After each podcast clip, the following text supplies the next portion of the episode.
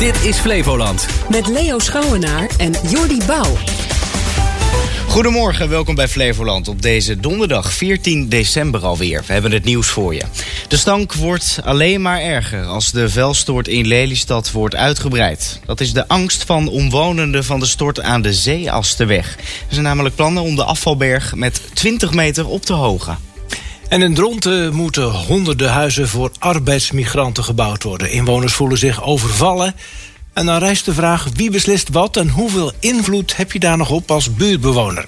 Dat hoor je zo meteen. Omwonenden van de vuilstort in Lelystad die maken zich zorgen over plannen om de stort uit te breiden. Blijkt allemaal uit een bijeenkomst gisteravond met omwonenden van de vuilstort aan de Zeeasterweg. Ruim 80 belangstellenden gingen daar voor het eerst in gesprek met afvalzorg Lelystad. Dat is de eigenaar van de vuilstort. En verslaggever Sam Jones was erbij. Op de bijeenkomst was veel kritiek te horen op de uitbreidingsplannen. Het afvalbedrijf wil de afvalberg verhogen van 15 meter naar ruim 35 meter. Boeren zijn bang dat er nog langer vrachtwagens over de smalle binnenwegen zullen rijden en er meer afvalwater in het milieu terechtkomt. Bewoners van de nabijgelegen wijk Landerijen zeggen nu al last van stank te hebben en zijn bang dat het alleen maar erger wordt. Ik heb last van de lucht, dus uh, een penetrante lucht. Een andere omwonende vertelde op de bijeenkomst waar geen opname gemaakt mocht worden dat ze al maandenlang aan de bel trekt, maar dat er vervolgens niets gebeurt. Dat spreekt directeur Faal van afvalzorg tegen. Nou, er is absoluut wel wat gebeurd. De huurder van ons heeft een, hele dikke investering gedaan om te komen tot een verbeterde situatie. Dus dat betekent dat in ieder geval wat de overheid betreft de juiste stappen zijn genomen om de geur te voorkomen neemt niet weg dat als die toch geconstateerd wordt, ja, dat we daar actie op moeten nemen. Veel kritiek was ook op het plan om uitgerekend Lelystad te kiezen als een van de locaties waar afval gedumpt moet worden. Terwijl de gemeente zich eerder heeft uitgesproken tegen het plan. Zegt VVD-raadslid Martin Tilstra, die ook op de participatiebijeenkomst was. Nou, in het raadsakkoord hebben wij afgesproken dat we dat niet willen in Lelystad. Dat klopt helemaal. Dus daar ligt het vast. Vanuit de raad vinden wij het belangrijk dat het college er alles aan doet om dit zo beperkt mogelijk te houden. En in elk geval te zorgen dat de overlast voor de bewoners minimaal is. Maar boeren en omwonenden zaten nog met vragen. Bent u gerustgesteld? Nou ja, nee, we kunnen mee participeren in de bijeenkomst. Uh, of we nou mee kunnen uh, besluiten bij de verdere planvorming, weet ik niet. Dat is, uh, ja, dat is niet heel erg duidelijk nog. Veel vragen waren er ook over de verdubbeling van de hoogte van de afvalberg. Ik denk dat de plek al aardig vol is. En ja, wat er al gezegd is, de 35 meter hoge bergen die zijn toch wel erg hoog. Ook raadslid Tilstra vindt de afvalberg wel erg hoog worden. Ja, dat vind ik echt wel heel erg hoog. Je moet zich voorstellen, 35 meter is een flatgebouw van ongeveer 12 verdiepingen. Hè. Zo hoog is dat. En dat kan je echt heel ver zien. Uh, wat ons betreft, ja, als er wat accenten inkomen is het goed. Maar zo hoog zou het liever niet moeten worden. Nou ja, zoals vanavond uh, al eerder gezegd, die vraag kwam eerder voorbij natuurlijk. We nemen dat mee. Eén omwonende was wel heel optimistisch over het nut van een hoge afvalberg. Maar dan als het water heel hoog staat. En dan zou het wel eens kunnen zijn dat je juist die berg hebt als, als, als punt waar je naartoe kan vluchten. Maar zijn visie werd niet heel serieus genomen door andere buurtbewoners. Verslaggever Sam Jones was dat. De komende maanden zijn er nog vier van dit soort bijeenkomsten gepland. En die zijn bedoeld voor omwonenden, maar ook de boeren in het gebied. Stel, de gemeente wil in jouw buurt huizen bouwen. Wie beslist dan wat en hoeveel invloed je hebt als buurtbewoner?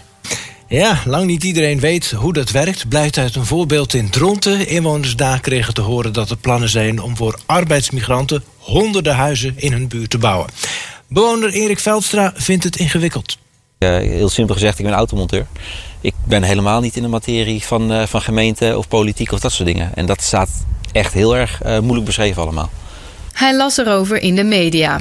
Bij bedrijventerrein Poort van Dronten moet het mogelijk worden gemaakt om 600 arbeidsmigrantenwoningen te bouwen.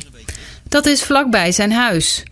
En dan blijkt er binnenkort een besluitvormende raadsvergadering te zijn, terwijl hij zelf nog niks van de gemeente heeft gehoord. Er wordt helemaal niks uh, verteld, er wordt niks gedaan. Ze willen dit plan gewoon zo snel mogelijk, uh, heb ik het idee, er doorheen hebben. Hoe kan het dat buurtbewoners niks van deze plannen weten en dat er al wel een besluitvormende raadsvergadering is? Om daarachter te komen moeten we eerst iets meer weten over hoe politieke besluitvorming werkt. We vragen het John Bell, expert op dit gebied. Nou, als een gemeenteraad een, uh, een, plan voorkrijgt, dan gaan ze dat eerst bespreken in uh, zogeheten besluitvoorbereidende vergaderingen. Uh, vaak commissievergaderingen genoemd, waarin uh, de uh, raadsleden of hun vervangers eerst eens gaan kijken waar dit, dit over gaat. dan hebben de, de raadsleden of raadsfracties een beter idee wat er precies beoogd wordt met het voorstel. Ja, en dan kan het best zijn dat ze het niet met elkaar eens zijn. Dan komt die volgende fase, dat is de oordeelvorming, waarin ze met elkaar in debat gaan over wat nou het belangrijkste is. en uiteindelijk moet daar dan in de raadsvergadering, dat is de zogeheten besluitvormende vergadering, een oordeel worden geveld. Maar uh, de meeste invloed op zo'n proces heb je zo vroeg mogelijk. En dan uh, is misschien nog niet helemaal duidelijk hoe het plan eruit gaat zien. Maar dan geef je raadsleden wel alvast mee waar zij op moeten gaan letten op het moment dat het voorstel er ligt. Maar om als burger invloed te hebben, moet je wel weten dat er plannen zijn. En dat blijkt in de praktijk lastig. Vertelt vertegenwoordiger van de gemeenteraad in Dronten, Erwin Gelderop. Je, je kunt het in de krant uh, lezen, je kunt het op internet zien, uh, op de social media. Hè. De gemeente probeert op velerlei wijze de inwoners uh, te bereiken en te betrekken bij. Maar het is best lastig om uh, op het juiste moment uh, te zien dat er een voorstel uh, aan de raad is aangeboden of wordt besproken waar jij echt iets van vindt. Pas na de besluitvormende vergadering van 19 december wordt in Dronten een participatietraject gestart. Dat betekent dat bewoners worden geïnformeerd over de plannen en daarop kunnen reageren. Dit kan leiden tot het aanpassen van de plannen, maar de gemeente kan ook bezwaren na zich neerleggen. Is het voor u duidelijk wat voor invloed u heeft in dit proces? Totaal niet. Uh, wat ik uh, gekeken heb, dat, ja, dat is een beetje via internet, via de site van de gemeente, dat er dus nu een beeldvormende sessie uh, gehouden gaat worden. Ehm, maar hoe dat dan verder verloopt, die krijgt helemaal geen, geen duidelijkheid van de gemeente. Erwin Gelderop wil daar nog wel iets over kwijt. Denk als inwoner of organisatie niet van joh, ik, ik doe geen, geen moeite om die raad te bereiken, want ze doen toch niks met mijn inbreng. Nee, doe dat wel. Want ze doen juist wel wat met jouw inbreng. En dat wil de raad ook. Hè? De, de, dat heeft de raad ook nodig. Want de, de raad zit er tenslotte voor alle inwoners. En als laatste hoorde je Erwin Geldrop, de raadsgriffier van de gemeente. Ook niet voor cappuccino. We hadden het uh, lekker over koffie drinken op deze vroege ochtend. Dat is uh, wel nodig. Ja. Goed, um, over de vroege ochtend. Nou, we gaan weer even terug naar gisteravond. Wat je toen allemaal hebt gemist op radio en tv. Kan gebeuren, hè? Ja, in Nieuwsuur was er aandacht voor het waterpeil van het Panama-kanaal. Het water van de cruciale handelsroute staat namelijk historisch laag. Kapitein Gerard Flippo die vaart al jarenlang met containerschepen door het kanaal. En ook hij heeft dit nog nooit meegemaakt. We zien nou uh, delen van eilandjes en zo die je normaal nog nooit gezien hebt. Het is echt uh, exceptioneel. Uh, de loodsen zelf ook zeggen dat de Panama-loodsen die we aan boord krijgen om ons er doorheen te te brengen. Die zeggen ook, dit hebben ze nog nooit meegemaakt zo erg. En vanwege dat lage waterpeil mogen er minder schepen tegelijk door het Panama-kanaal. En dat heeft ook gevolgen voor het schip van kapitein Flippo. Ik vaar hier op een uh, containerschip met een uh, vaste dienst. We hebben ongeveer uh, twee dagen vertraging. Het is afwachten en hopen dat het uh, regent binnenkort. Iedereen zit op zijn kerstcadeautjes te wachten. En er kan altijd wat vertraging bij optreden, denk ik zo. Dan wordt het een nieuwjaarscadeautje. Vandaag begint in Brussel een belangrijke Europese top over miljardensteun aan Oekraïne en toetreding van het land tot de Europese Unie. Tot grote woede van andere EU-landen dreigt de Hongaarse premier Orbán dit met een veto weg te stemmen. CDA-europarlementariër Jeroen Leenaas vertelde in het radioprogramma Langs de Lijn en Omstreken waarom steun aan Oekraïne belangrijk blijft. Je ziet al dat, dat, dat Oekraïne gewoon heel veel moeite heeft op dit moment om, uh, om, om de machine draaiende te houden. En zeker met het, wat u al terecht noemt, met het, het, het uitblijven van de steun vanuit Amerika op dit moment, moet Europa uh, die rol op zich pakken. En moet Europa die ondersteuning aan Oekraïne blijven geven, uh, omdat het ook gewoon in ons eigen lange termijn belang is. Um, en, en dan kunnen we niet ons laten chanteren door iemand als Viktor Orban. Dat heb je gisteravond gemist op radio en tv. Elk jaar mogen inwoners van Lelystad plannen indienen bij de gemeenteraad om daar geld voor te krijgen. Dat gaat van een aantal tientjes tot tienduizenden euro's. Mireille van Eikeren van de stichting Voedselbank Gezin en Dier kreeg 5000 euro om een kant-en-klaar kantoorpand te kopen. En ze wil die gebruiken voor de ontvangst van haar klanten en de opslag van voedsel. Daarvoor gebruikt ze nu nog haar eigen woning en daar wil ze vanaf. De mensen komen dan niet meer in mijn huis Het is vanuit, de bedoeling dan vanuit die kantoorunit dat we dan ook de uitgifte gaan doen. Dat de koelkasten, vriezers daar komen te staan. Dat de mensen daar hun tas, hun spullen komen halen. Ruim een jaar geleden is Van Eikeren vanuit haar huis begonnen met een voedselbank voor mens en dier. Sindsdien staat haar woning vol met spullen die ze van supermarkten, ondernemers en particulieren krijgt. Ja, het is een eigenlijk privéhuis. Maar op de dinsdag is het een voedselbank gezin en dier om heel veel mensen te helpen. Inmiddels helpt ze 85 gezinnen. Uh, mensen die uh, niet bij de voedselbank terecht kunnen omdat ze gewoon net even een ho te hoog inkomen hebben. Mensen die bijvoorbeeld bij een scheiding gewoon tijdelijk hulp nodig hebben. Uh, mensen die met een rugzakje kinderen hebben, waardoor ze toch met een normaal inkomen, maar misschien wat hogere kosten hebben, waardoor ze niet rondkomen. Mensen met een huisdieren die die hulp nodig hebben. Er zijn best wel heel veel. Ik kan wel door blijven gaan. Heel veel mensen. Dat ze zoveel tijd en energie steekt in haar stichting heeft te maken met haar eigen echtscheiding 16 jaar geleden. Ze kon toen zelf geen gebruik maken van de voedselbank omdat ze in een koophuis woonde. Volgens de regels die toen golden mochten huiseigenaren geen voedselpakketten bij de voedselbank halen. Met dit koophuis ben ik wel goedkoper uit als een huurhuis. Dus ben ik hier wel blijven wonen. Mijn kinderen konden gewoon naar een school, vriendjes alles. Dus voor hun was de stabiliteit. Uh, maar kon ik niet bij de voedselbank terecht. Gelukkig waren er ook toen al andere kleine initiatieven.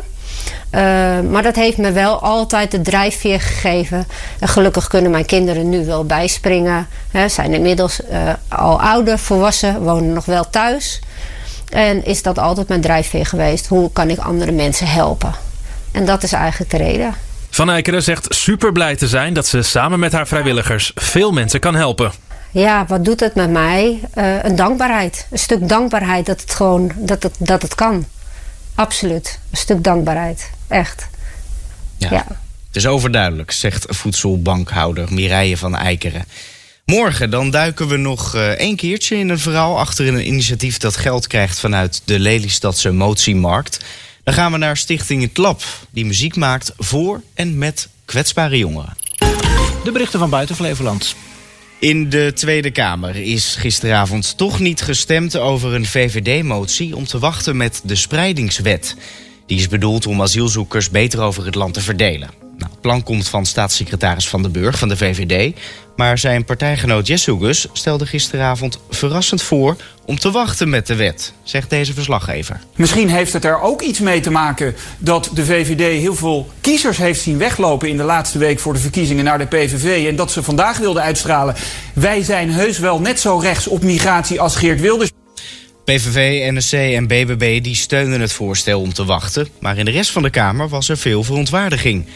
Er is nu afgesproken om het onderwerp te laten liggen totdat het kabinet meer informatie deelt. was zo grappig gisteren dat debat. Dan had je fractievoorzitter Jetten van D66 mm. en fractievoorzitter Jezilkes van de VVD. Die waren met elkaar in debat over wat, ze, wat niet goed ging in het kabinet... waar ze allebei ook nog in zitten. Oh ja. Ja, de ene is natuurlijk van klimaat en dan van justitie. Dat is wel grappig. Bijzonder.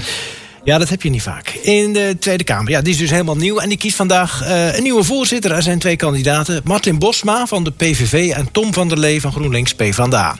Ze zijn beide nu al ondervoorzitter en hebben dus ervaring met het leiden van debatten. Wie van de twee het gaat worden is nog niet te zeggen. Er wordt door alle 150 Kamerleden anoniem gestemd zegt deze verslaggever. Daardoor worden ze niet op de vingers gekeken door de rest van hun partij... of ze wel langs de lijnen van hun politieke voorkeur stemmen... en kunnen ze echt in alle vrijheid stemmen op degene die ze het meest geschikt achter. Nou, stiekem een briefje in de bus doen. Ik ben benieuwd. Ja. Um, van de Nederlandse politiek gaan we naar de Amerikaanse politiek. Want het Amerikaanse Huis van Afgevaardigden wil onderzoeken of president Biden kan worden afgezet. Hij heeft volgens de Republikeinen in zijn tijd als vicepresident zijn invloed misbruikt bij zakentransacties van zijn zoon, zegt correspondent Rudy Bauma. Let wel, het gaat om een impeachment-onderzoek. Die leidt dus niet noodzakelijkerwijs tot een impeachment, een afzettingsprocedure. Daarvoor moet eerst overtuigend bewijs op tafel komen van corruptie, van bemoeienis van Joe Biden met de zaken van zijn zoon Hunter. Ja, en ondanks heel veel ronkende berichtgeving over Hunter is er voor corruptie van zijn vader, de president, nog geen bewijs. En Biden zelf noemt het onderzoek een kansloze politieke wraakactie van de Republikeinen, die erop uit zouden zijn om hem aan te vallen met leugens. Het is, de, het is Feyenoord niet gelukt om de laatste wedstrijd in de poolfase van de Champions League te winnen van Celtic. In Glasgow gingen de Rotterdammers in de allerlaatste minuut onderuit. Daar baalt trainer Arne Slot flink van, want de resultaten van de laatste Europese wedstrijden vielen sowieso al tegen. Voelt anders omdat we gehoopt hadden dat we dit wat achter ons lag, nou een keer om konden zetten naar, uh, naar een goed gevoel.